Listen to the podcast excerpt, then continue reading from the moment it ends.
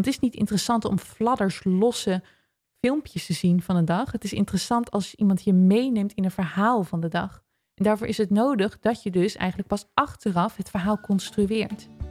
Je luistert naar de podcast van Charlotte van het Woud. Als je gek bent op persoonlijke ontwikkeling en graag nieuwe dingen leert, zit je precies op de goede plek.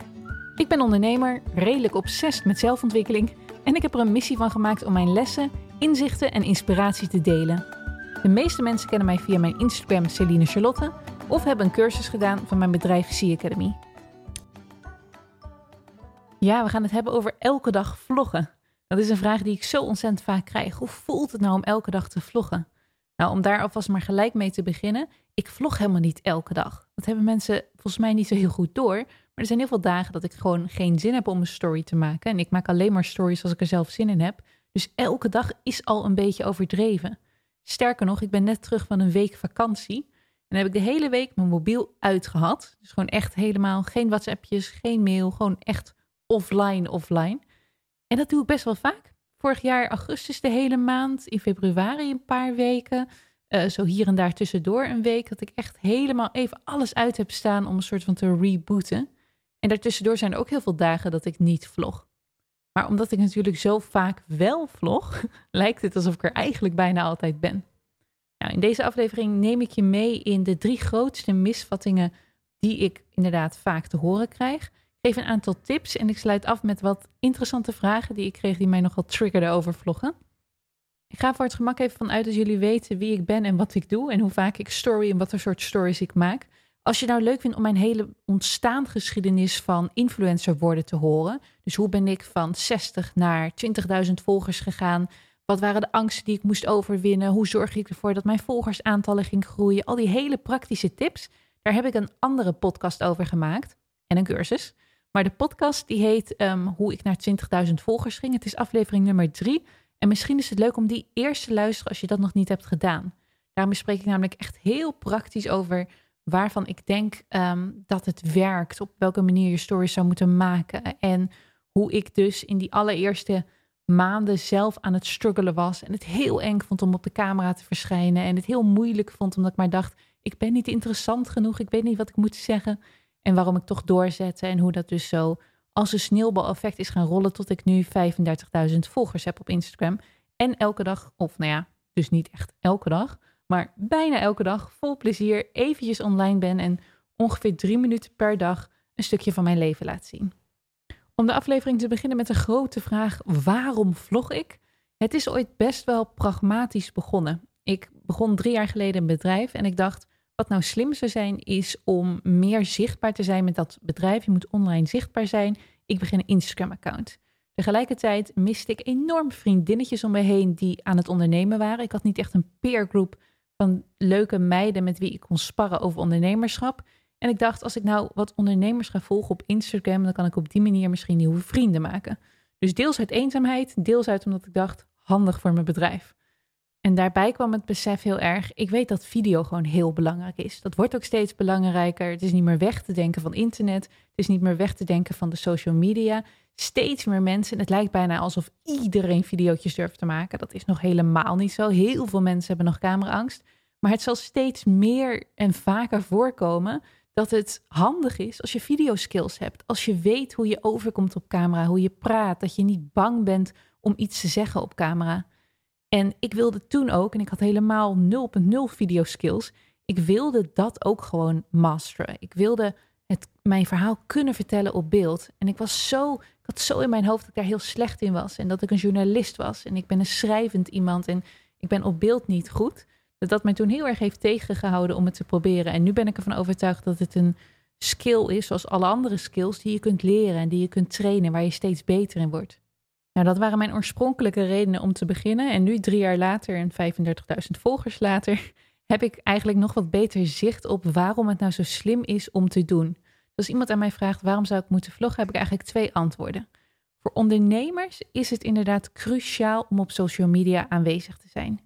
Kijk, de meeste mensen maken zich heel erg druk om een website. Want een website is hetgene, je visitekaartje online. Maar het is eigenlijk veel, en hoewel ik dat daar helemaal mee eens ben, je moet een website hebben. Ga dat vooral alsjeblieft maken.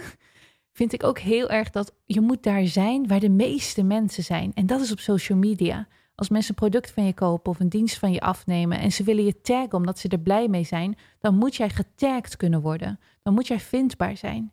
Als er iemand nu tegenover mij praat over ehm, dat ze een hele goede meditatie hebben gevolgd of een heel interessant persoon hebben ontmoet, dan het eerste waar ik naar kijk is niet, ik ga niet op Google zoeken, ga niet het websiteadres intypen, ik ga op Instagram kijken of ik die persoon kan vinden. Kijken wat de indruk is van de Instagram-pagina die ik dan vind. Kijken of ik die persoon wil volgen. Het is zo'n laagdrempelige manier om ervoor te zorgen dat mensen zich aan je binden. Dus je moet sowieso als onderneming er zijn. Ik vind zelf achteraf hoe ik begon. Ik had een heel mooi account voor Spot, mijn eerste bedrijf aangemaakt, vergaderruimtes. Nou, dat was echt super saai. Ik deed dat helemaal verkeerd. Er stonden alleen maar foto's van de ruimtes. Wist eigenlijk niet zoveel erbij te zeggen. Ik gebruikte, gebruikte 100 hashtags die nergens op sloegen.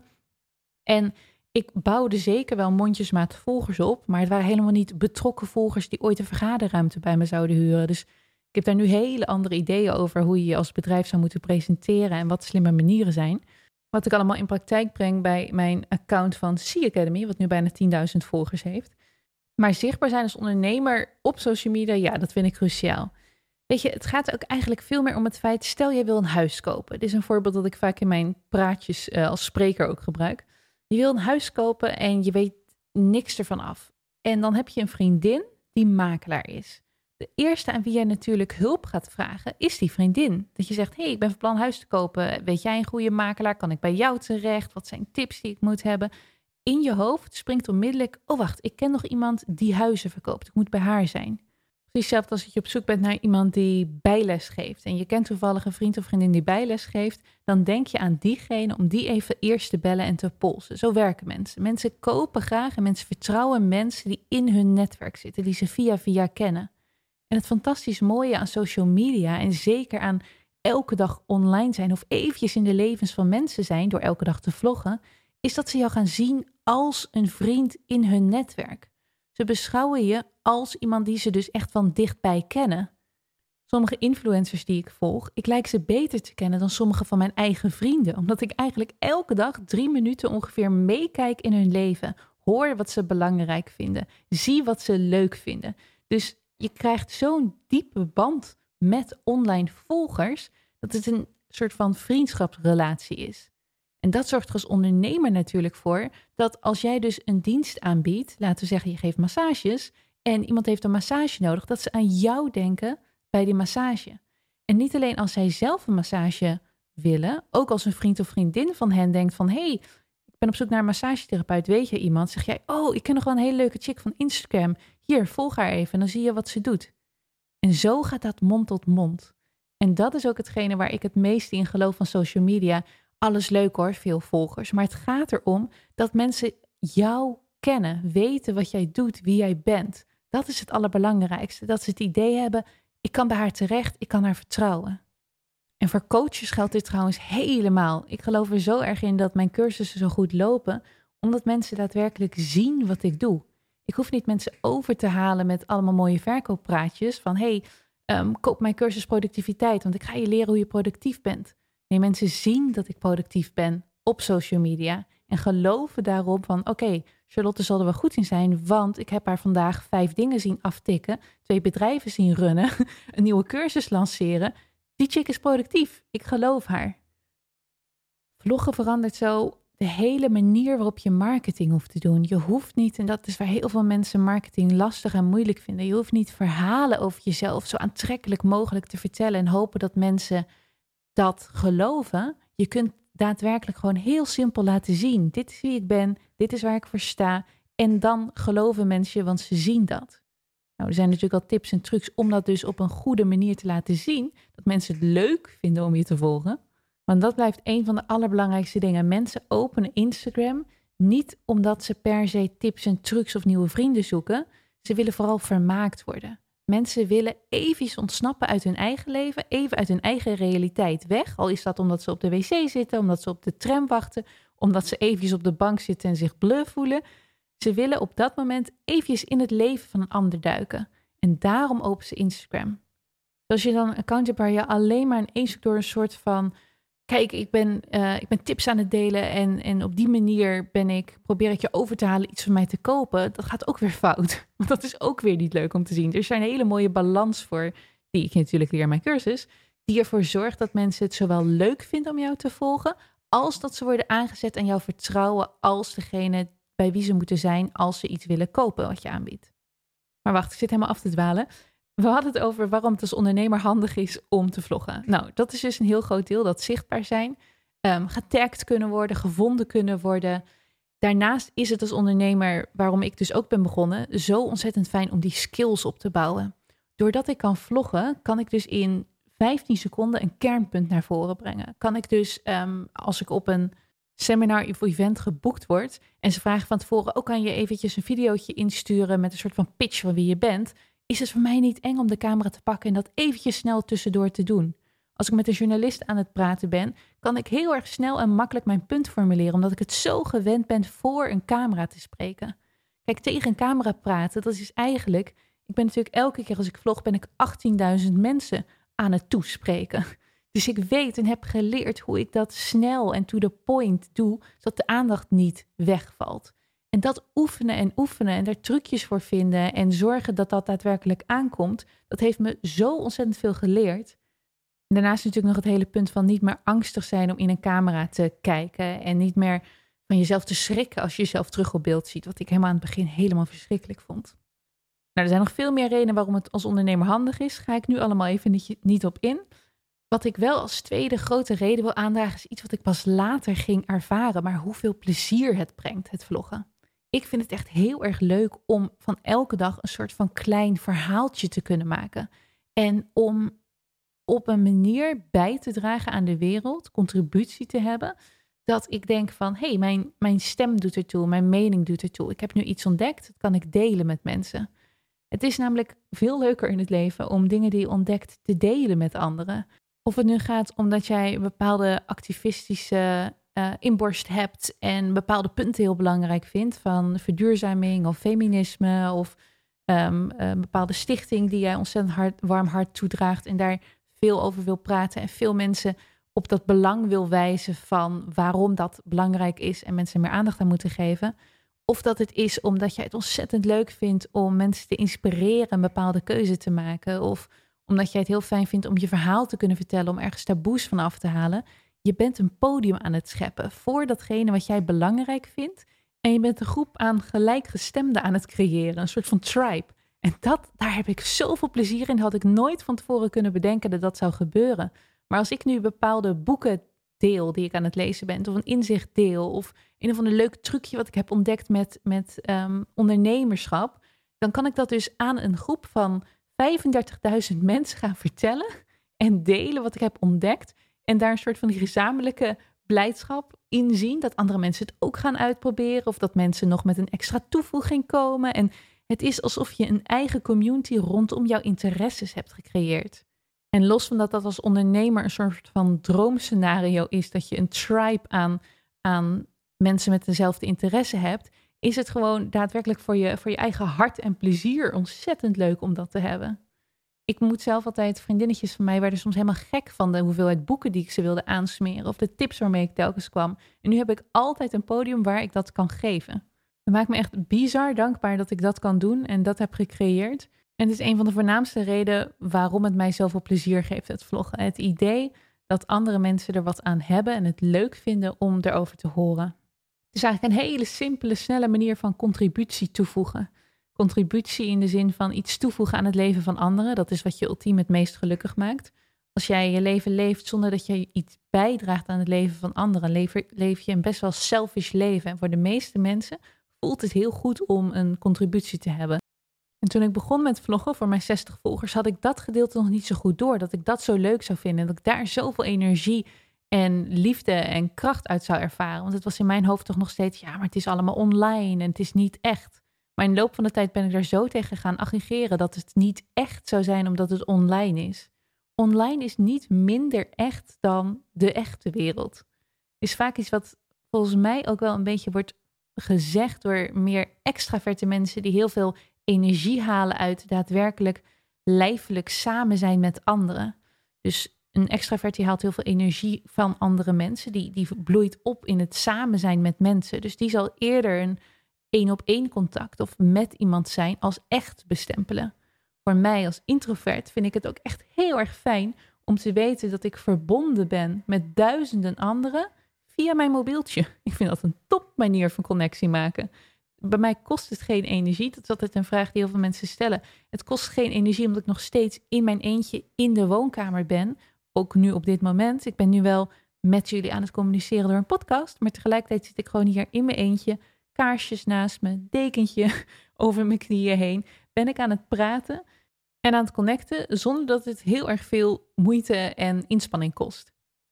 En ik kan zelf ook na het luisteren van een podcast of na het kijken van video's, kan ik het gevoel hebben dat ik echt met iemand anders ben geweest. Het voelt echt voor mij als ik een podcast van iemand luister, alsof ik een uurtje met diegene heb doorgebracht. En dat voelt dus ook voor mij sociaal. Dus ik ben de hele harde tegenstelling van nou, je bent alleen maar echt sociaal bezig. Of het is alleen maar goed als je één op één met iemand afspreekt of mensen in het echte leven ziet. Dat vind ik altijd zo'n onzin. Ik denk dat we daar hopelijk over een paar jaar wel vanaf zijn. Dat dat is hoe we de wereld zien. Of hoe, hoe we onszelf gaan judgen erover. Over wat online is en wat offline. Ik zeg trouwens niet natuurlijk dat er totaal geen verschil in zit. Ik heb soms ook gewoon knuffels nodig. En vind het superleuk om echt één op één tijd met iemand door te brengen. Zonder dat er een schermpje tussen zit. Maar ik, ik dismiss het niet als niet echt of niet goed. Ik heb er geen waardeoordeel over wat negatief is in ieder geval.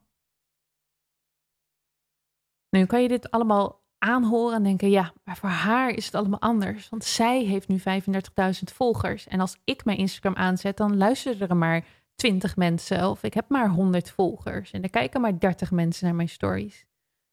Wat ik altijd probeer te zeggen en terug te denken aan hoe ik was toen ik 60 volgers had. Ik was bizar dankbaar voor die 60 volgers. Ik was ongelooflijk gevleid en vereerd met elke like of elk comment dat ik kreeg. En ik weet nog als de dag van gisteren mijn eerste comment dat niet van een eigen vriend of vriendin kwam, maar van een vreemde die mij zomaar had gevolgd. En ik was gewoon zo dankbaar, want het zijn alsnog dus 30 mensen die naar jou kijken en luisteren. Hè? Van 30 mensen heb jij even de volledige aandacht. Of van 100 mensen die naar jouw story hebben gekeken. Probeer dat maar eens gewoon visueel voor je te zien. Hoe je ze in een kamer past of hoe je ze in een zaaltje past. De meeste mensen vinden public speaking best wel eng.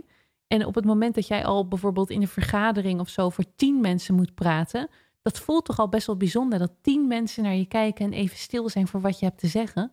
Dan moet je nagaan als jij honderd volgers hebt, dat honderd mensen eventjes alles in hun leven stopzetten en kijken naar wat jij op dat moment te delen hebt. Dus neem het niet te, te gemakkelijk of te, for granted op van, oh ja, het zijn maar honderd volgers en ik ben nog helemaal niet groot en het is niet belangrijk en we. Het zijn honderd mensen die aan honderd andere mensen kunnen zeggen: Wauw, ze heeft echt gekke stories. Wauw, ze heeft een fantastisch product. Bij honderd mensen zit je even in het hoofd. Dus geef die honderd mensen alvast je liefde en je aandacht en het allerbeste wat je aan ze kan geven. Dat heb ik altijd geprobeerd. Met elke honderd mensen die erbij kwamen, dacht ik telkens: Wow, wat ontzettend bijzonder. Wat geweldig dat mensen nu op dit moment mij gaan volgen of een reactie achterlaten of een DM sturen. En die dankbaarheid voor elk persoon, dat, dat is zo'n mooi iets om dat alvast nu heel erg toe te gaan passen. En niet te kijken naar accounts die tien keer zoveel hebben en dat het voor hen allemaal veel meer impact heeft. Ik zou dat nu ook elke dag kunnen doen. Ik zou elke dag kunnen kijken naar, nou, ik stop zoveel moeite in mijn stories of in mijn podcast en het wordt maar door 35.000 mensen bekeken of maar door 10.000 mensen geluisterd, een podcast. En dan kan ik mezelf vergelijken met influencers die een miljoen volgers hebben en die heel lazy alleen maar gewoon een foto van zichzelf in bikini posten en daar um, ontzettend veel likes mee krijgen en heel veel reacties. En dat ik denk, nou, en ik doe al die moeite en ik geef zoveel van mijn hart en ziel erin. En bij mij is het veel minder effect. Maar als je dat gaat doen, zijn er altijd twee dingen. Als eerste, er zal altijd iemand beter zijn, makkelijker hebben, andere blokkades dan jij hebben, een ander pad lopen dan jij.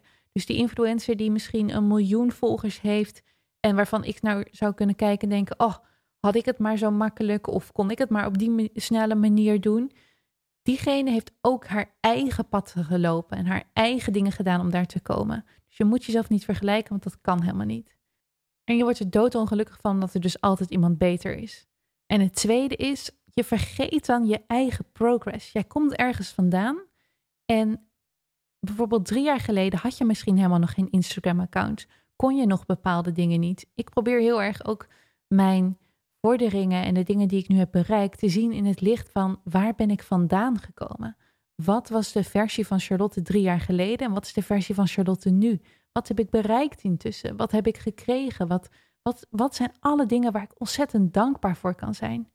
En als je op die manier met heel veel liefde naar je eigen leerproces kijkt, is dat veel leuker dan dat je alleen maar gaat vergelijken met mensen die verder zijn. Dus als jouw leerproces misschien is dat jij je eerste vlogs gaat durven maken, dan is dat een fantastische overwinning voor jou. En misschien ga je nooit in je leven komen op het punt dat jij een miljoen volgers hebt. Misschien ga ik ook nooit op dat punt komen. Maar wat ik wel heb gedaan, is ik ben gaan doen waarvan mijn hart zei: dit is leuk om te proberen. Dit is leuk om te doen. Ik wil nu op dit moment mijn camera pakken en vloggen. En dat herinner ik me ook heel erg van toen ik nog maar 60 volgers had. Ik voelde dat ik het wilde doen. En ik ben zo ontzettend blij dat ik dat gevoel achterna ben gegaan. Want als je telkens die gevoelens niet toestaat, omdat jij misschien wel nooit zo die persoon zou worden die een miljoen volgers heeft, of nooit de persoon zou worden um, die jij misschien in je ideale hoofd zou willen zijn, het ideale schoonheidsideaal, dat je dan pas van jezelf mag vloggen, want nu kan dat immers niet, want je ziet er misschien anders uit dan jouw schoonheidsideaal. Als je op die gronden jezelf niet toestaat om dingen te gaan doen en te gaan groeien, dan leid je zo'n beperkt leven. Dan ontzeg je jezelf allemaal dingen die je makkelijk had kunnen doen, waar je makkelijk plezier uit kan halen, makkelijk had in kunnen groeien. Gewoon uit de grote angst dat je nooit zo goed zou zijn als degene naar wie jij opkijkt. Dus loop dat pad niet op. Ga niet in die angsten zitten. Ga niet in het slachtoffergevoel zitten van nou, mij lukt het niet op die manier. Of oh, dat zal wel niet goed komen. Of oh, die zijn veel beter.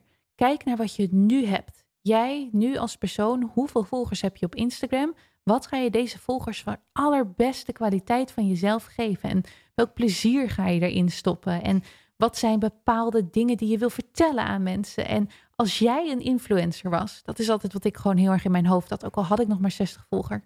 Als ik een influencer was, wat zou ik dan nu op dit moment gaan delen? Waarvan zou ik willen weten, uh, willen laten weten aan de wereld: hey, dit is te gek, dit is leuk, ga dit doen, dit is een makkelijk trucje, dit is fijn om te weten.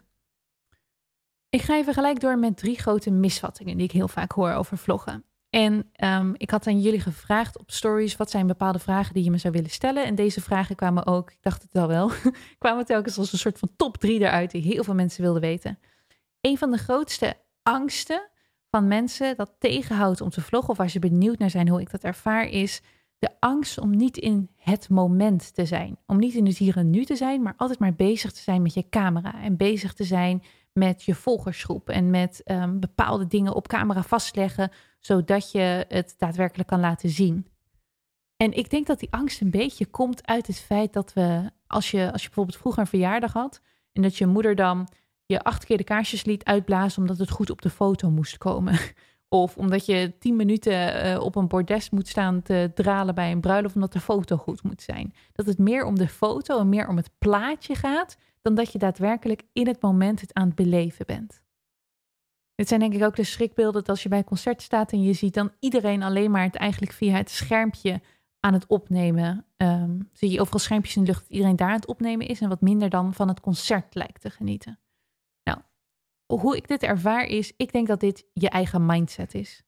Je kunt zelf kiezen of je dit een vervelend iets vindt, iets elke keer als je je camera pakt, dat het eigenlijk iets naars is. Iets is waar je voor moet schamen, want je bent niet in het moment. Of dat het nou eenmaal iets is wat bij jou hoort, wat bij je past om het even snel te filmen. En dat het onderdeel is van je identiteit. Ik heb ervoor gekozen op het moment dat ik dacht: yes, ik ga groot worden op Instagram. Ik ga vloggen. Ik ga mijzelf een vlogger maken. Heb ik ervoor gekozen om die identiteit te omhelzen. En daarbij hoort dat ik dus gedurende de dag stukjes van mijn leven film dat als ik iets leuks ga doen, dat ik merk van, oh, dit zou echt te gek zijn voor op Instagram, dat ik inderdaad mijn telefoon tevoorschijn pak en het film. Er zit daar wel een soort van level in en daar word je ook steeds beter in hoe langer je doet. Kijk, één vlog van op Instagram, één story, is 15 seconden. Dus de hoeveelheid tijd dat je daadwerkelijk aan het vloggen bent, als je bij mij kijkt en het lijkt alsof je mijn hele dag aan het volgen bent, in totaal is dat waarschijnlijk max drie minuten uit een dag van 24 uur. en stukjes van 15 seconden die ik film uit een, nou ja, ook weer opnieuw een uur. Dus het is eigenlijk maar heel kort dat ik mijn telefoon tevoorschijn trek, het film en telefoon weer wegstop. En daar zit ook, weet je wel, daar heeft weer te maken met skills. Ik weet onmiddellijk als ik een situatie zie, hoe zou ik de camera houden? Wat ga ik filmen? Ik film nooit dingen honderd keer, dus ik heb niet vijf verschillende camerapunten. Ik ben geen perfectionist. Dus het is anders als dat je een beroepsfotograaf bent of een professionele video maakt en daar heel erg lang de tijd voor moet nemen. Bij mij is het hup, mobieltje erbij, 15 seconden filmen, hup, mobieltje weg. Ik heb ook, en dat leer ik ook in de cursus die ik erover maak, ik film gedurende de dag kleine stukjes. Maar pas aan het eind, of als ik een rustpunt heb, als ik zin heb om er een verhaal van te maken en het op Instagram te zetten, dan pak ik die stukjes bij elkaar en post ik het. Dus bij mij zit tussen filmen en posten zit altijd een vertraging. Het is eigenlijk nooit dat ehm, ik op het moment dat ik bijvoorbeeld de deur uitloop, dat ik het dan post. En dat ik dan tien minuten later, als ik bijvoorbeeld bij een bloemenstalletje ben, dat ik dan weer een post maak. Nee, ik wacht altijd. En dat heeft ook weer alles te maken met storytelling. Waar ik je dus in de cursus alles over vertel. Ik wacht tot ik een interessant genoeg verhaal heb om te delen aan mensen. Want het is niet interessant om fladders losse filmpjes te zien van een dag. Het is interessant als iemand je meeneemt in een verhaal van de dag. En daarvoor is het nodig dat je dus eigenlijk pas achteraf het verhaal construeert. Dus als ik met vriendinnetjes bijvoorbeeld even aan het filmen ben, het komt in me op dat ik laatst met vier vriendinnetjes aan het ontbijten was. Ik ontbijt, zeker, um, ik film zeker wel eventjes tijdens het ontbijt, 15 seconden. Maar daarna, pas vier uur later, ben ik dat gaan posten. Dus het is 15 seconden dat ik even de camera pak.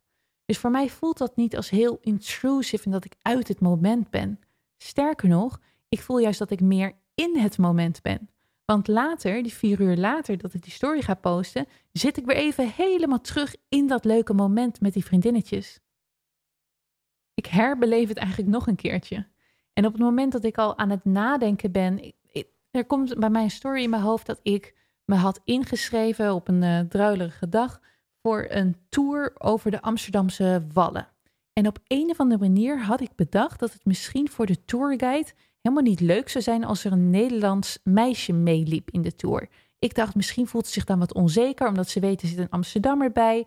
En dan moet alles kloppen wat ik zeg. Weet je, want normaal kunnen tourguides natuurlijk altijd enorm overdrijven over een stad. Alle Nederlanders lopen op klompen. En op een andere manier had ik bedacht, het is vast fijner voor haar als ze niet weet dat ik Nederlands ben. Ik zeg dat ik Zweeds ben. Dus we deden een, ehm, een rondje en alle toeristen vertelden waar ze vandaan kwamen. En ze kwamen bij mij en ik zeg, nou, ik kom uit Zweden zegt opeens die tourgids tegen mij iets in het Zweeds. Dus ik kijk er aan, ze herhaalt het. ik zo, ehm. En toen zei ze in het Engels, je bent toch Zweeds? En ik zo, ehm, nou, lang verhaal, ik woon in Zweden. En toen heb ik een heel verhaal zitten construeren dat ik wel in Zweden woonde, maar niet Zweeds was, maar eigenlijk Amerikaans was. En um, met een soort van accent dat, dat mijn vader Nederlands was. Nou, het was één groot web van leugens allemaal bedoeld om dat meisje eigenlijk juist een soort van te empoweren. Wat ertoe leidde dat ik een uur lang heb moeten liegen en een soort van miserabel met de, met de groep heb meegeshout en doodsbang was dat iemand mij in het, um, in het Zweeds zou gaan aanspreken. Dat heb ik allemaal zitten vloggen, allemaal zitten filmen. En op zo'n moment is het natuurlijk, kijk, de experience die ik op dat moment had, dit was natuurlijk hilarisch. Ik bedoel, het was enorm gênant, maar het was ook hilarisch. Maar er ligt bij mij dan nog eens een filter bovenop, omdat ik weet, dit is ook hilarisch voor op Instagram. Hoe kan ik dit op zo'n leuke manier brengen, dat daadwerkelijk het verhaal ook op Instagram leuk is om te volgen? Dus dan denk ik, oh wacht, dan moet ik sowieso een foto van de groep hebben. En ik heb altijd in mijn hoofd welke elementen een bepaalde storyline zouden kunnen zijn. Dus dan maak ik sowieso een foto van de groep. En natuurlijk van de gids die in het Zweeds tegen me aan het praten is. En zo bedenk ik eigenlijk, terwijl ik het event meemaak, ook in mijn hoofd, wat nou een leuke manier zou zijn om dat in beeld over te brengen. En voor mij is dat niet alsof dan ik niet in het moment zelf het ervaar. Het is alsof er een extra, extra filter overheen legt. Een soort van extra level van wauw, je bent het aan het ervaren, dit is hilarisch. Hoe breng je dit leuk op beeld over? Dat het ook voor kijkers hilarisch is om te kijken. En dat maakt het eigenlijk een soort van extra advanced of zo. Ik denk sowieso, ik ben iemand die veel in mijn hoofd leeft. Dus toen ik nog niet storytelling had ontdekt op video, toen ik nog niet aan het vloggen was, deed ik heel veel van deze dingen, maar dan schreef ik het als een boek. Als ik dan bijvoorbeeld in mijn eentje aan het reizen was, dan was ik aan het nadenken dat als er ooit een boek over, als ik er een boek over zou willen schrijven, hoe zou ik het dan brengen? Ik zou gewoon, ik kan rustig in de trein zitten en dan een heel boek in mijn hoofd eigenlijk uitschrijven. Een heel hoofdstuk over een bepaalde gebeurtenis maken. Ik leef in mijn hoofd en er is eigenlijk voor mij niks leukers om dat daadwerkelijk naar buiten te kunnen brengen. En volgens mij herkennen heel veel mensen dit, want als jij bijvoorbeeld op een fantastische vakantiebestemming bent. Ik herinner me een heel mooie hotelkamer in Costa Rica waar de badkamer een soort van jungle is. Nou, dan ben ik eerst zelf enorm aan het genieten van die jungle. En daarna ben ik nog een keer aan het genieten, omdat ik aan jullie laat zien hoe fantastisch vet die badkamer is en hoe surprised ik was ermee. Dus het geeft voor mij juist een extra dimensie. En ik ben die, de angst om niet in het moment te zijn, die, die voel ik dus helemaal niet. Waar ik wel eens last van heb, is dat ik soms te veel wil geven. Het is misschien een beetje als dat je een, een, als, een, als een moeder die ergens in uh, toevallig met vriendinnen in een dierentuin loopt en dat die telkens denkt, oeh, dit zouden de kinderen leuk vinden. misschien een beetje een raar voorbeeld nu ik zeg met kinderen. Maar um, zo denk ik best wel vaak met heel veel dingen die ik doe op een dag. Oeh, dit zou interessant zijn om te delen. Oh, dit zouden mensen moeten weten. Oh, wat lees ik hier fantastische quote. Wauw, wat vind ik dit liedje prachtig. Maar ik moet op een dag best wel veel kiezen over wat ik daadwerkelijk ga delen en wat niet. Jullie denken misschien, nou Charlotte gooit alles eruit wat, wat er maar in de opkomt. Nee joh, ik kan echt dertig keer meer storyen en vloggen dan dat ik nu daadwerkelijk doe. Maar ik kies ervoor om te denken, nou, dit nu niet. dit is nu een beetje veel. Je hebt nu al drie dagen achter elkaar helemaal zitten raven over je e-mailprogramma. Nu even kappen met deze nieuwe functie. Die hoeven ze niet te weten. Komt dan een ander keertje weer. En soms is het ook omdat ik denk van, nee, wacht, dit mag je even voor jezelf houden. Er zijn gewoon dingen waarvan ik denk: oké, je vindt het nu, je vindt dit boek helemaal fantastisch, maar lees het eerst maar even helemaal uit en dan kan je erover delen. Dus die soort van filter in mijn hoofd dat ik altijd bezig ben met: zouden andere mensen hier wat aan kunnen hebben? Is het niet egoïstisch als ik dit voor mezelf houd? Die is wel bij mij soms te sterk aanwezig, wat ik irritant vind. En vandaag gaan we het hebben over vloggen dat ik de hele tijd wil geven, geven, geven, geven. En um, ik merk dat ik er dan leeg van raak. Dus als ik dat te veel aan het doen ben, als ik te veel aan het geven ben, dan raak ik leeg. Toevallig deze week heb ik dus een week lang niet gevlogd. Ik heb echt helemaal alles afgesloten. En de eerste drie, vier uur dat ik weet, nou, je gaat niks meer delen. Volgens mij was mijn laatste story van, oké, bye, ik ben er niet meer. Um, dan ben ik nog eventjes, nog steeds in die habit van, oh wacht, dit is, dit is leuk om te filmen. Oh wacht, dit zou ik kunnen delen. Maar na drie, vier uur is het bij mij ook gelukkig helemaal weg.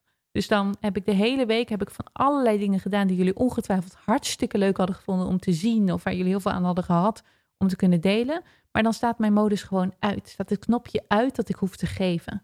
En dat is iets wat ik mijzelf wel heel veel en vaker ook nog wil geven.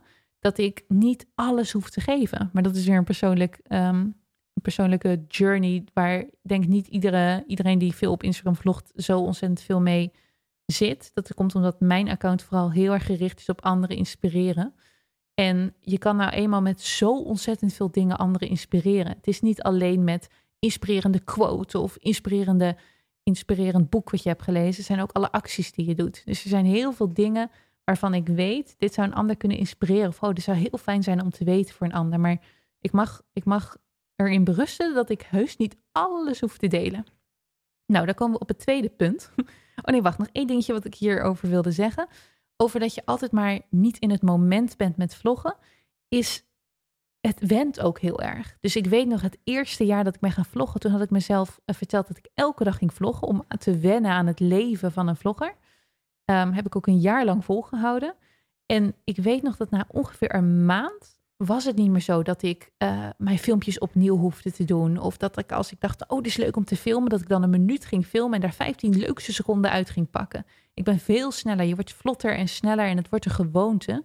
Waardoor jouw blik met, oh, dit is leuk op video, ik pak het op deze manier aan. Dat gaat heel erg snel. Dus het went heel erg. Het is heel normaal dat als je net iets nieuw oppakt of net iets nieuw leert, dat je dan inderdaad even helemaal overrompeld bent en dat je continu denkt, hoe zou dit leuk in beeld zijn? Het tweede misverstand wat je vaak hoort is dat mensen bang zijn dat ze alles moeten delen als ze gaan vloggen. Dat ze authentiek moeten zijn en dan moet je dus alles op tafel gooien en dan moet je overal over praten. En wordt bij mij vaak aangehaald dat ik heel open ben over de meest uiteenlopende onderwerpen. Van ayahuasca tot en met seksualiteit, tot en met ehm, als ik mij soms eenzaam voel. Ik ben inderdaad wat dat betreft op Instagram heel erg open over bepaalde zaken.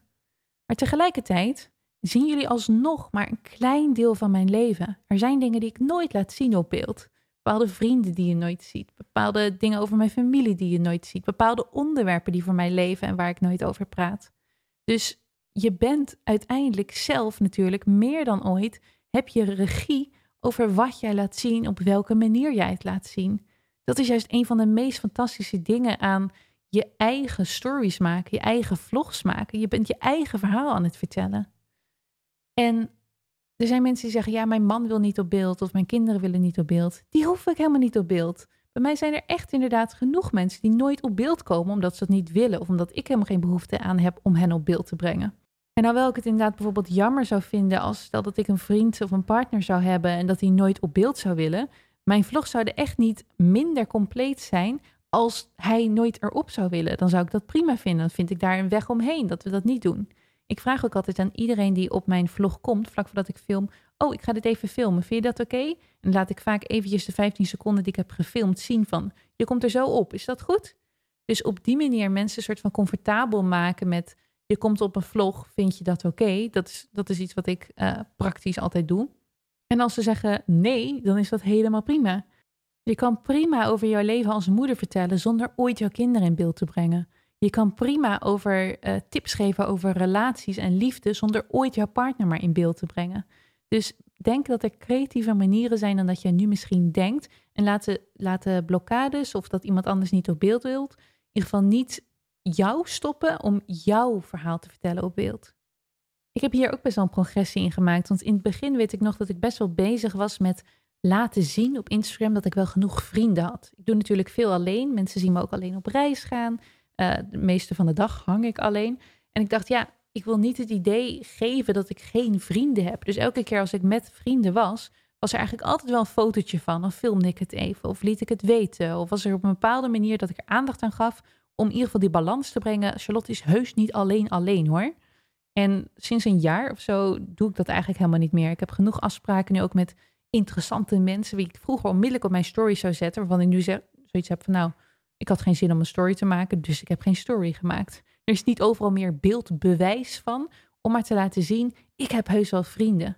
En dat is deels gewoon omdat ik dat dus niet meer nodig vind, omdat ik waarschijnlijk zelf zelfverzekerder ben geworden in dat ik um, heus wel interessant ben en vrienden heb en dat me helemaal niks uitmaakt of andere mensen denken dat ik geen vrienden heb.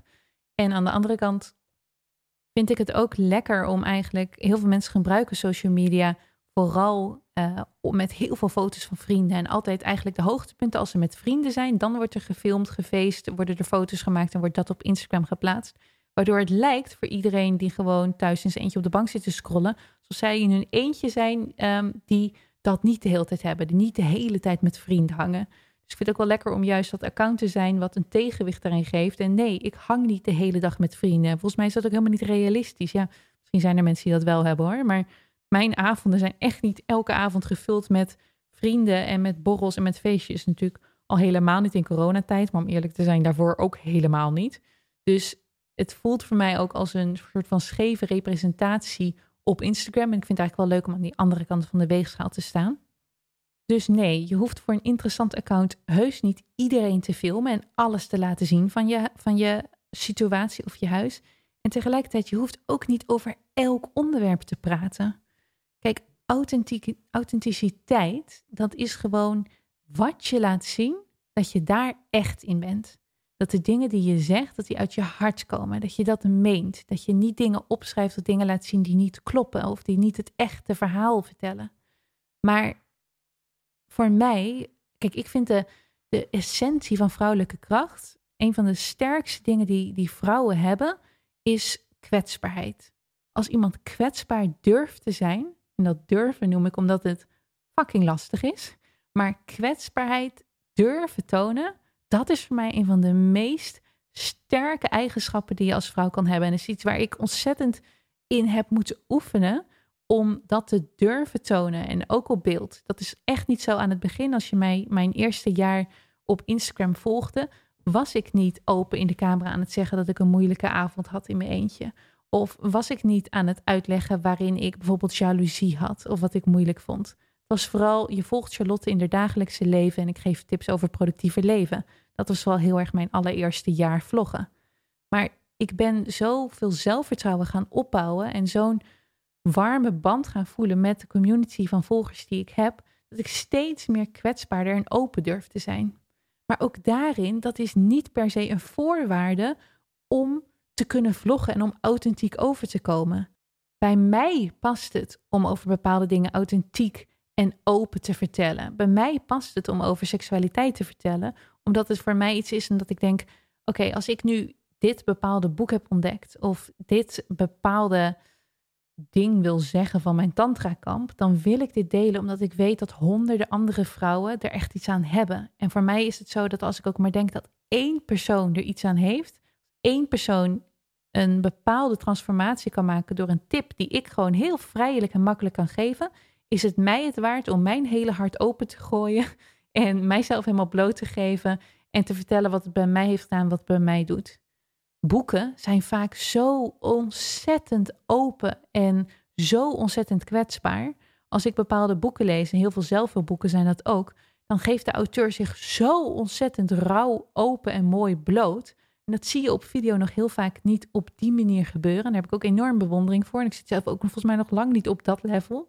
Maar het geeft mij wel het, het steuntje in de rug van: oké, ik heb er zoveel aan als andere mensen rauw, open en eerlijk zijn, hun eigen struggles toegeven. Dus ik wil ook voor anderen die katalysator zijn, dat ik daarna ook durf, dat zij daarna ook durven denken: oké, het is normaal wat ik voel. Of oh, gelukkig, zij voelt dat ook, dan mag ik dat ook voelen. Of oh, zij pakt het op die manier aan, die nare emotie. Dan kan ik het ook op deze manier aanpakken. Kwetsbaarheid opent deuren, het opent harten, het opent een soort van straal van liefde tussen mensen. Maar is het nodig om dus elke dag op je stories ehm, te gaan huilen? Of uh, alleen maar hele moeilijke onderwerpen te bespreken? Of al je onzekerheden open te gooien?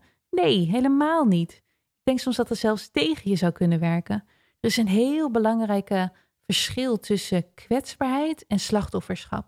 Slachtofferschap is het idee van ik ben stuk, ik wil niet meer, ik kan niet meer. Een beetje zeurend, een beetje eigenlijk um, meer aandachttrekkend. En op het moment dat jij op die manier je presenteert op stories, is dat eigenlijk meer afschrikwekkend. Dan is het, niemand vindt het namelijk leuk om naar iemand te kijken die aan het zeuren is.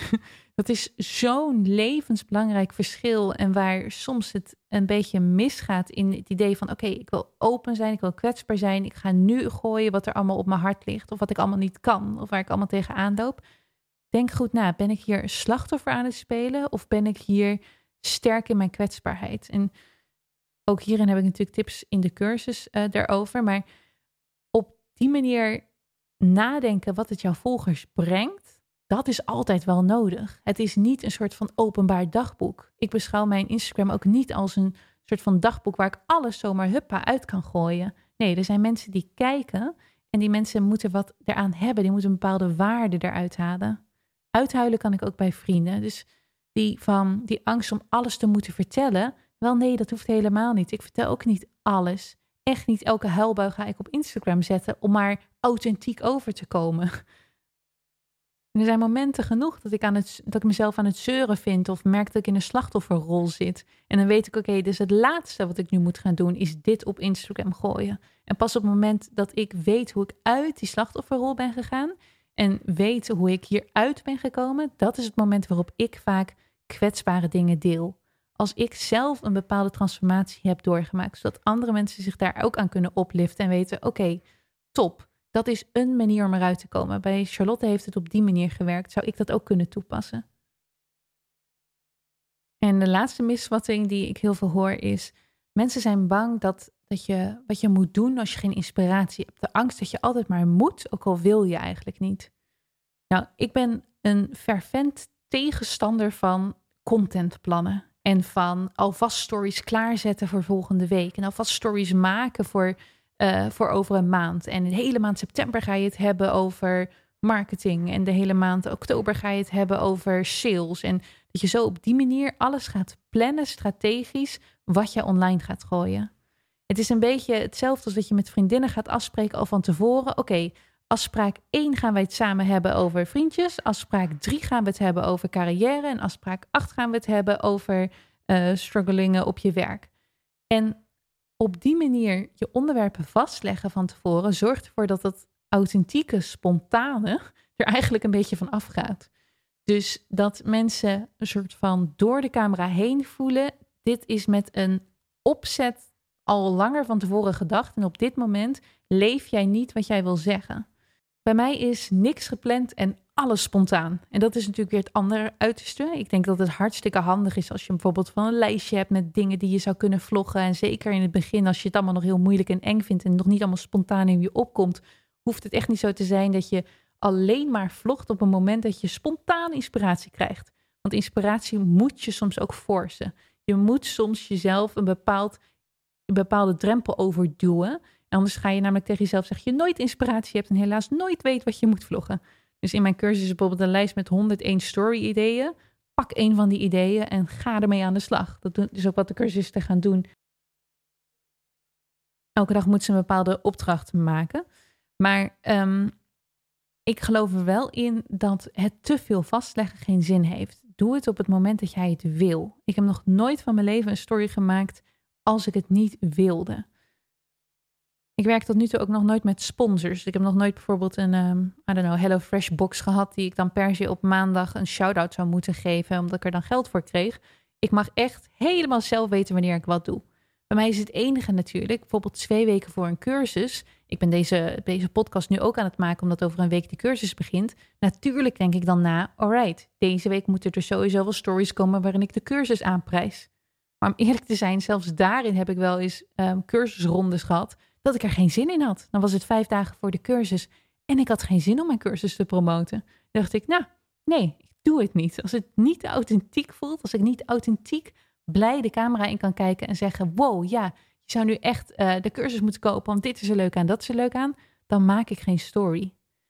Dus de angst dat je altijd moet, die snap ik niet helemaal, want je moet helemaal niks. Je bent alleen een skill aan het leren en een volgersgroep aan het opbouwen en een bepaalde zichtbaarheid aan het neerzetten, die je kan gebruiken op het moment dat je wil, op het moment dat je inspiratie hebt, op het moment dat je wel iets aan te prijzen hebt en dat heel graag wil vertellen. Zie hetzelfde als leren koken. Als je eenmaal heel goed kan koken, betekent dat je elke avond moet koken. En dat jij nooit meer afhaalmaaltijden mag. En dat het heel erg zou zijn als jij een half jaar lang elke dag pizza zou gaan eten. In plaats van dat je elke dag aan het koken bent. En je hebt nou eenmaal een skill gekregen. En je hebt er bepaald plezier in gekregen. Dus je vindt het waarschijnlijk leuk om vaker te gaan doen. Maar het hoeft niet. Bij mij hoeven heel veel dingen van mijzelf trouwens niet. Deze podcast hoeft ook niet van mij één keer in de twee weken te komen. Nee, ik bedenk zelf wanneer ik zin heb om een podcast te maken. En dat werkt voor mij het allerbeste. Dat ik zelf met die inspiratie en die energie aan de slag ga en daadwerkelijk een podcast maak, omdat het, ik het dan echt wil. Dus wat ik doe op een dag dat ik geen inspiratie heb, wat heel vaak werd gevraagd, dan post ik niks. Of misschien heb ik wel inspiratie om gewoon alleen een foto te posten. Doe ik bijna nooit, omdat ik vind dat dat heel weinig waarde toevoegt. Als je echt alleen maar bijvoorbeeld even één foto post van het strand waar je bent, of alleen maar één foto post van je woonkamer, dat, dan denkt de kijker, huh, wat is dit? En op het moment dat mensen denken te vaak, huh, wat is dit? Bij jouw account word je geblokkeerd of ontvolgd. Dus ik wil liever dat als ik wat post, dat het echt iets toevoegt, dat het waarde heeft. En als ik te lang in een, in een fase zou zitten dat ik maar helemaal niks weet te posten of niks weet te vloggen en ik ben gewoon ongeïnspireerd, Sowieso zijn er eigenlijk altijd wel drie of vier dagen in de maand uh, tijdens PMS dat ik best zo chagrijnig ben en geen zin heb om te posten. Dus dan doe ik ook helemaal niks. Maar um, als ik langere tijd in zo'n periode zou zitten, dan zou ik ook gewoon goed naar mezelf kijken. Wat is er aan de hand dat je een beetje de jeu van het leven even kwijt bent? Waarom ben je niet meer geïnspireerd? Hoe kan jij jezelf gaan inspireren? Want als ik blij ben en geïnspireerd en mijn cup is overflowing van eigen levensjoy en plezier, dan weet ik meer dan genoeg om te vloggen de dagen dat ik het meest gelukkigst ben, weet ik zoveel om te vloggen. Omdat ik gewoon in alles wel iets leuks zie en in alles een verhaal van kan maken. En zo verschrikkelijk veel mijzelf aan het inspireren ben, dat ik dat met gemak en liefde kan delen. Dus op het moment dat ik een langere periode zou hebben, zou ik waarschijnlijk op zoek gaan naar hey, wat is er aan de hand? Ben je zelf niet meer zo geïnspireerd? Wat kan je gaan oppakken voor een nieuwe hobby? Wat kan je gaan uitproberen? Welk boek zou je kunnen lezen dat je inspirerend vindt? Welke podcast zou je kunnen volgen? Wat zou je allemaal kunnen gaan doen om eerst jezelf weer even inspiratie en plezier voor het leven terug te geven? En dan volgt bij mij heel snel daarna, aha, zin om dit te vloggen, zin om dit te laten zien, zin om dit te delen. Om nog even terug te komen op dat schema. Ik weet dat ik, wat ik roep, doe wanneer je wil, doe wanneer je inspiratie hebt, volg geen contentplan. Dat dat regelrecht ingaat tegen, nou, ik denk 99% van alle social media goeroes. um, ik zeg niet dat een contentplan per se slecht is. Ik denk alleen dat het idee dat je zelf per se elke maandag over een inspiratiequote moet delen, dan elke dinsdag een plaatje en elke woensdag een filmpje, dat dat, dat heel erg benauwend kan zijn als je daar niet goed op gaat. Ik ga daar niet goed op. Ik hou niet van zulke regeltjes voor mezelf, omdat ik dan opstandig word en geen zin heb om dat te posten. Of dat ik het dan inauthentiek vind om op een dinsdag te moeten praten over een menstruatiecyclus, terwijl ik eigenlijk zin heb om te gaan praten over achtbanen. En het gaat me vooral om dat je het niet als een belemmering ziet. De vele vragen die ik krijg van wat als je een dag geen zin hebt? Of wat als je even geen inspiratie voelt? Het allerbelangrijkste in ondernemen, in leven, in alles, is luisteren naar je intuïtie. Waarom heb je geen zin om over dit thema te gaan praten? Gaat het nog wel de goede kant op? Ik heb mijn eigen account heel erg zien groeien van dus aan het begin iemand die vooral over productiviteit sprak en over efficiëntie naar een account dat heel erg veel over zelfontwikkeling praat. En halverwege was ik heel erg veel over business. En nu ben ik steeds vaker ook vooral veel aan het delen over zelfontwikkeling in de meest brede vorm. En veel meer spiritualiteit. Dus juist omdat ik niet zulke hele scherpe, strakke plannen voor mezelf heb uitgeschreven van tevoren en ik ga daar waar de flow is, zorgt het bij mij voor meer authentieke content die heel dicht bij mijn hart ligt en waar ik elke keer zelf intrinsiek enthousiast van word. Maar ja, hierin is het dus ook gewoon zelf kijken. Misschien ga jij wel heel goed op plannen. Misschien ga je wel heel goed op schema's. En dan ga je lekker dat maken. En heb je daar heel veel plezier in om dat te volgen. Ik denk vooral gewoon niet dat je je aan een contentschema moet houden wat je ooit hebt gecreëerd. En waar je eigenlijk een beetje tegenop gaat zien om het te volgen. Dat vind ik het belangrijkste. Ik heb zo vaak mensen die ik dan spreek over een Instagram of waarin ik dan coach. En dan zeggen ze, ja, het voelde al heel lang niet goed meer om hierover te vloggen. En dat komt dan omdat ze al die tijd dachten: dit is wat ik moet doen, want dit is het contentplan dat ik heb geschreven. En dat is zonde. Tot slot nog een paar leuke vragen die ik kreeg waar ik op wilde antwoorden. Zoals de vraag: wat is het leukste vlog wat je ooit hebt gemaakt? Nou, ik vind zelf het altijd het leukste als ik zelf op avontuur ga. Dat vind ik het leukste in mijn leven überhaupt. Dus ik ga een maand naar Costa Rica of ik ga larpen in een kasteel in Polen of ik ga een hele dag naar een, naar een, naar een attractiepark toe of iets dergelijks.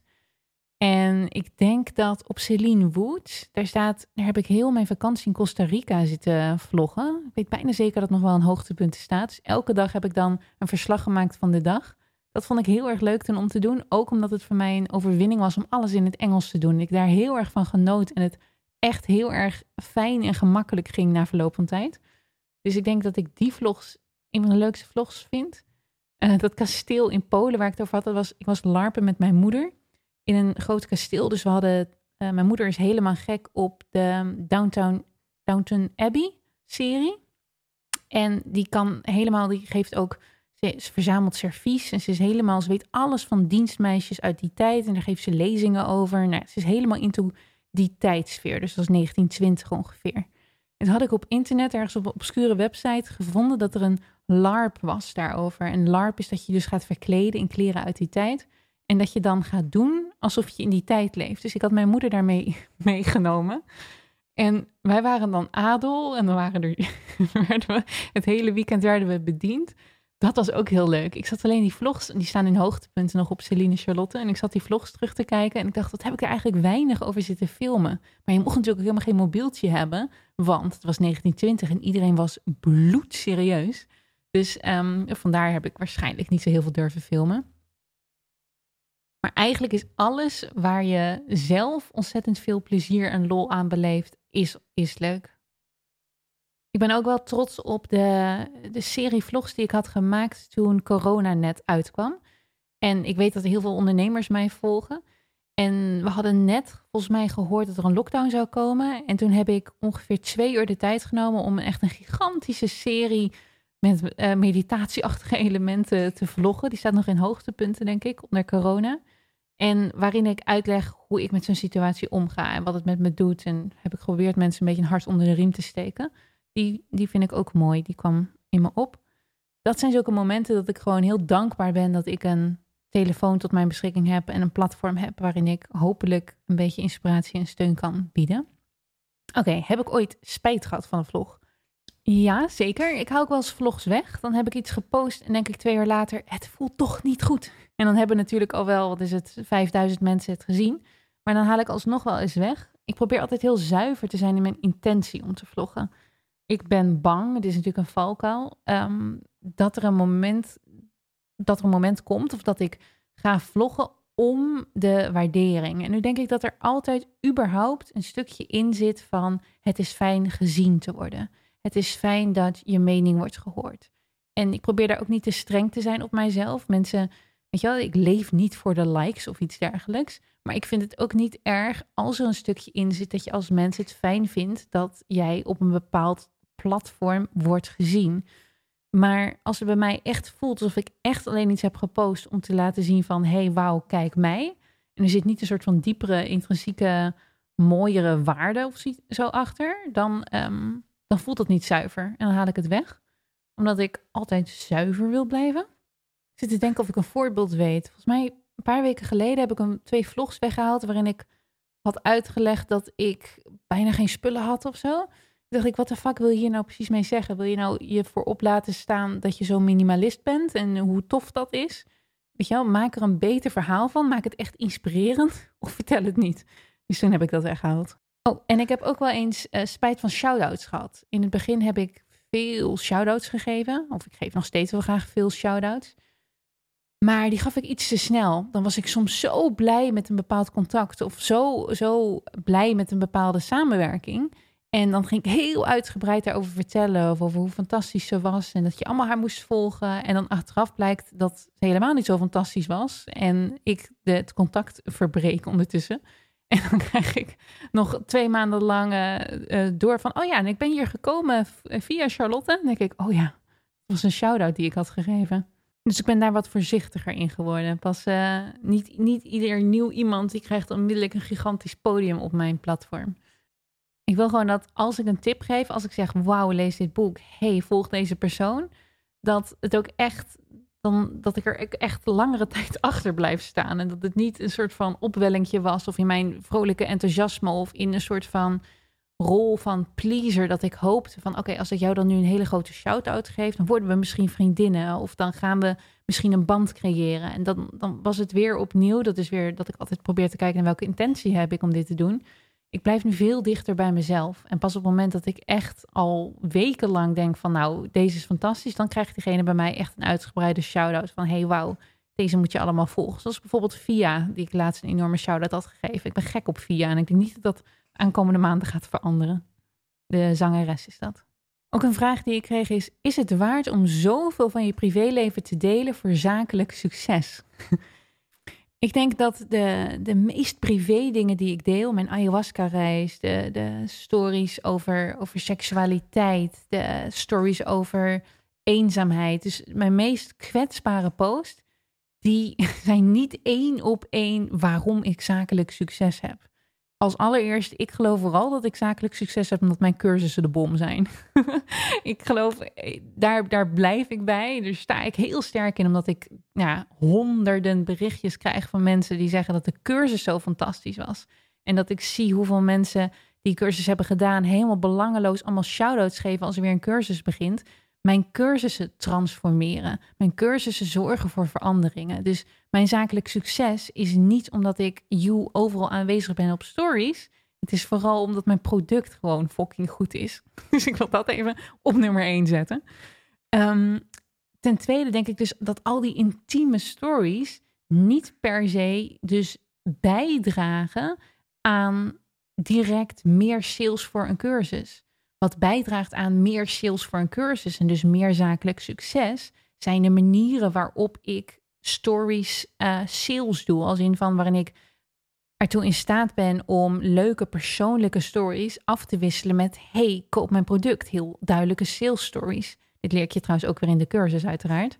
Dus op het moment dat ehm, eh, iemand vraagt: Is dit het waard om zoveel privé te delen voor zakelijk succes? De echte privé delen, dat zie ik vooral dat het bijdraagt aan één, hopelijk transformatie, aan inspiratie en dat mensen er echt iets aan hebben. En is dat het waard voor mij, wat ik net al eerder in de podcast zei, als ook maar één iemand iets heeft aan mijn ervaring over ayahuasca en daardoor zelf ayahuasca gaat doen en daardoor een, een transformatie meemaakt, ja, dan is het mij compleet waard om helemaal open te zijn over wat met mij doet. En dat heb ik dus weer omdat ik zelf ook zoveel heb aan mensen die kwetsbaar en open zijn. Dat zie ik vooral in boeken terug. Maar het is mij dus helemaal waard om um, mij dat, ja, om dat ook te zijn voor mensen. En het zakelijk is de eerste reden die ik hoop dat mensen wat aan hebben als ik zo privé openlijk ben. En de tweede is, het past zo bij me. Ik hou ervan om open te zijn. Ik hou ervan ontdekkingen die ik heb te kunnen delen. Dus al zou ik 0.0 zakelijk succes hebben door te gaan vertellen. En ik denk eerlijk gezegd dat het soms zelfs tegen me werkt als ik heel veel over ayahuasca ga delen. um, maar het maakt me niet uit. No matter what, ik ga dat delen omdat ik zelf het heel graag wil delen. En ik zelf het een groot avontuur vind. Ik vind dit leven een groot avontuur. Ik vind het veel te vet om allemaal dingen uit te proberen. En ik heb door dat deels door de positie waar ik zit, door um, de hoeveelheid geld die ik verdien, kan ik heel veel avonturen aangaan inmiddels. Het is niet voor iedereen gegeven om zomaar te zeggen: Oh, hey, ik ga even naar Costa Rica en ik ga ayahuasca doen. En deels omdat ik gewoon heel veel vrije tijd heb en een leven heb gecreëerd waarin ik dat dus wel makkelijk kan doen. En ik heb niet een gezin om een rekening te houden, et cetera. Kan ik heel veel dingen uitproberen en vind ik het ook dus heel erg leuk om dat door te kunnen geven. Dat mensen die er van geprikkeld worden. Dat ze denken, oh, dat kan ik misschien ook toevoegen aan mijn leven. Ik vind het, ik, zou, als ik niet zou zien, als ik niet actief op zoek zou gaan naar allemaal gekke dingen die je kan doen. En als ik niet actief elke flinter van inspiratie die ik hoor van mensen, van, oh, heb je dit gedaan? Hm, wat leuk, ga ik ook eens kijken. Als ik daar niet actief achteraan zou rennen en dat voor mezelf zou gaan uitvinden, zou ik zoveel beperkter leven hebben en ik denk gewoon dat er heel veel mensen in de wereld niet die tijd hebben om achter elke flinter inspiratie aan te rennen. En dan hoop ik maar gewoon dat als je gewoon simpelweg mij volgt, dat er ergens in de drie weken wel een keer iets voorbij komt waardoor je denkt, hey, dat wil ik ook proberen, dit lijkt me interessant.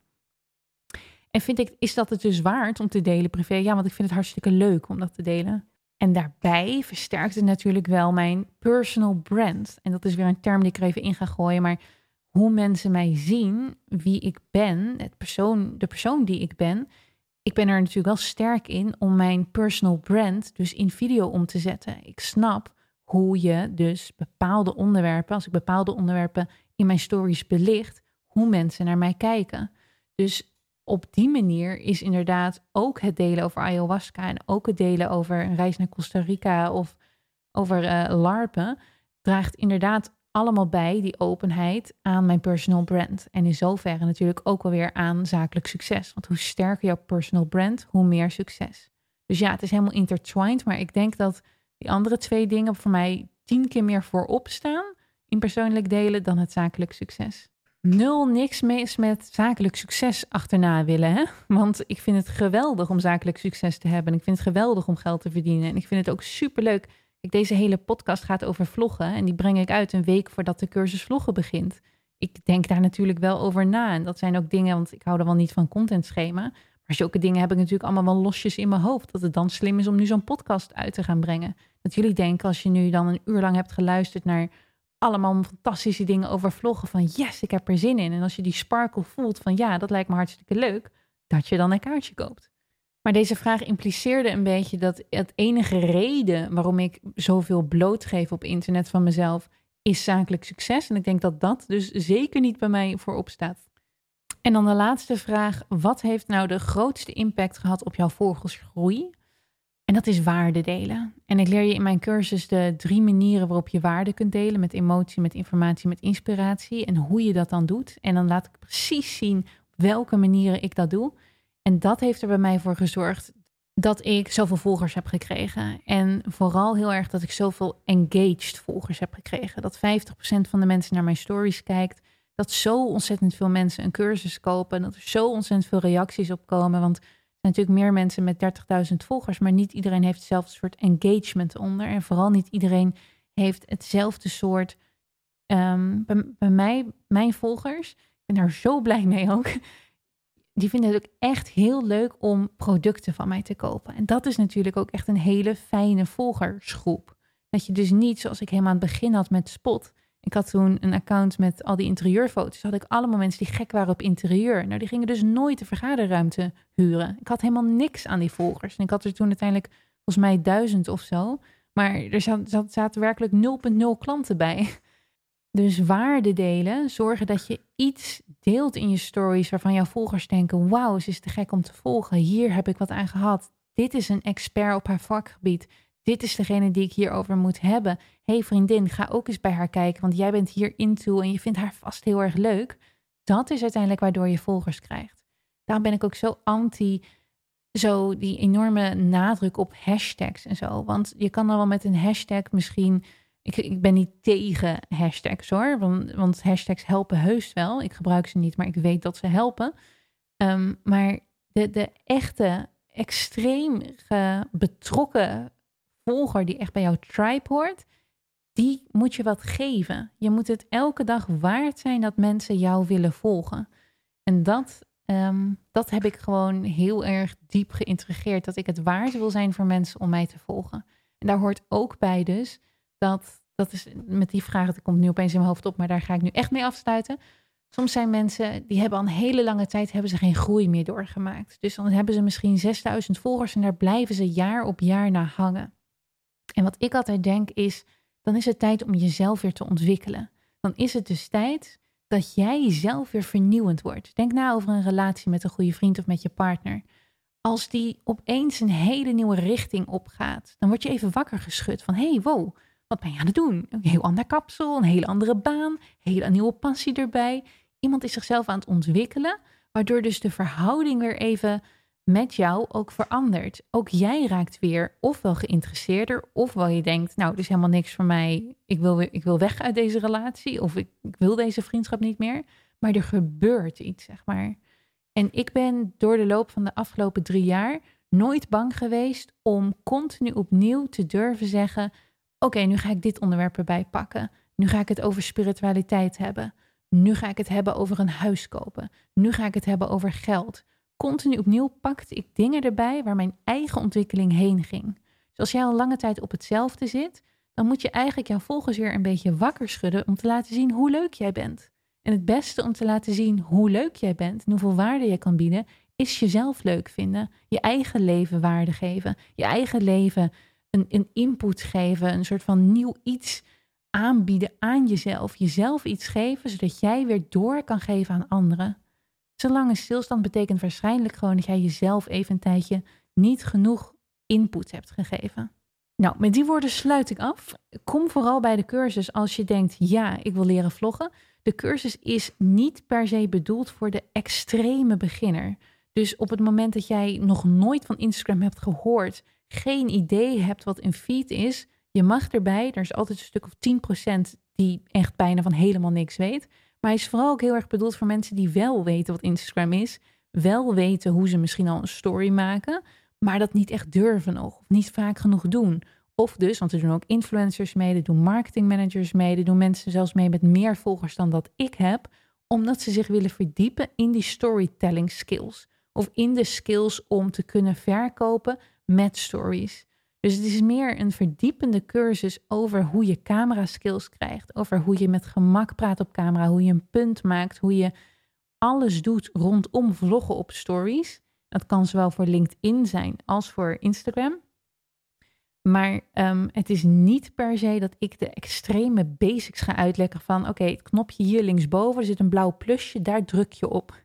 Ik heb wel zo'n video gemaakt voor de echtgene die zegt ik weet helemaal niks. Die video kan je gratis bekijken. Die heb ik niet in de cursus als module. Want het gaat er mij om dat, um, dat je verdiepend leert om met het medium om te gaan. Dat vind ik het interessante. Want al die gratis tips, die kun je namelijk gewoon op internet vinden. Over hoe je je eerste story plaatst en zo. Dus vandaar dat mijn cursus um, ook eigenlijk, volgens mij doet het is volgens mij een beetje dat de helft nog nooit heeft durven praten op stories als ze mijn cursus doen. En de andere helft die maakt al jaren stories, maar die wil er gewoon beter in worden. Dus als je denkt, ja, ik wil dit leren, hou op, ik ben al helemaal overtuigd, kom er gezellig bij. De cursus heet Long Story Short. Je vindt hem hier in de show notes. Je vindt hem via de link in mijn bio. elke plek waar die maar uh, te vinden is, kan je, hem, uh, kan je hem vinden en kan je nog gezellig aanhaken. Dus doe vooral mee. Er doen altijd honderden mee. Er zijn nu al iets van 150 die uh, voor deze ronde hebben geupsigned. En we, we hebben nog een week te gaan voor die begint. Dus um, het wordt een hele leuke groep. En dat is ook altijd zo fijn. Als je met de community bent die allemaal hetzelfde doel heeft. Zo leuk om van elkaar te leren en elkaar te empoweren en te zien hoe een ander het doet. En nou ja, tips van elkaar te krijgen. De sfeer is gewoon ook altijd echt heel erg gezellig in de cursussen. Dus leuk als je erbij bent. Ik zie je misschien daar en um, tot op mijn Instagram-account. Dit was de aflevering van vandaag. Dankjewel voor het luisteren. Meer over mij vind je op Celine Charlotte op Instagram. En heb je nu iets gehoord waarvan je denkt: yes, dat was geweldig, wat een fijn inzicht? Deel de podcast vooral via Instagram met je eigen vrienden of laat een recensie achter. Zo help je mij weer om meer mensen te bereiken. En ik ben je er nu alvast super dankbaar voor.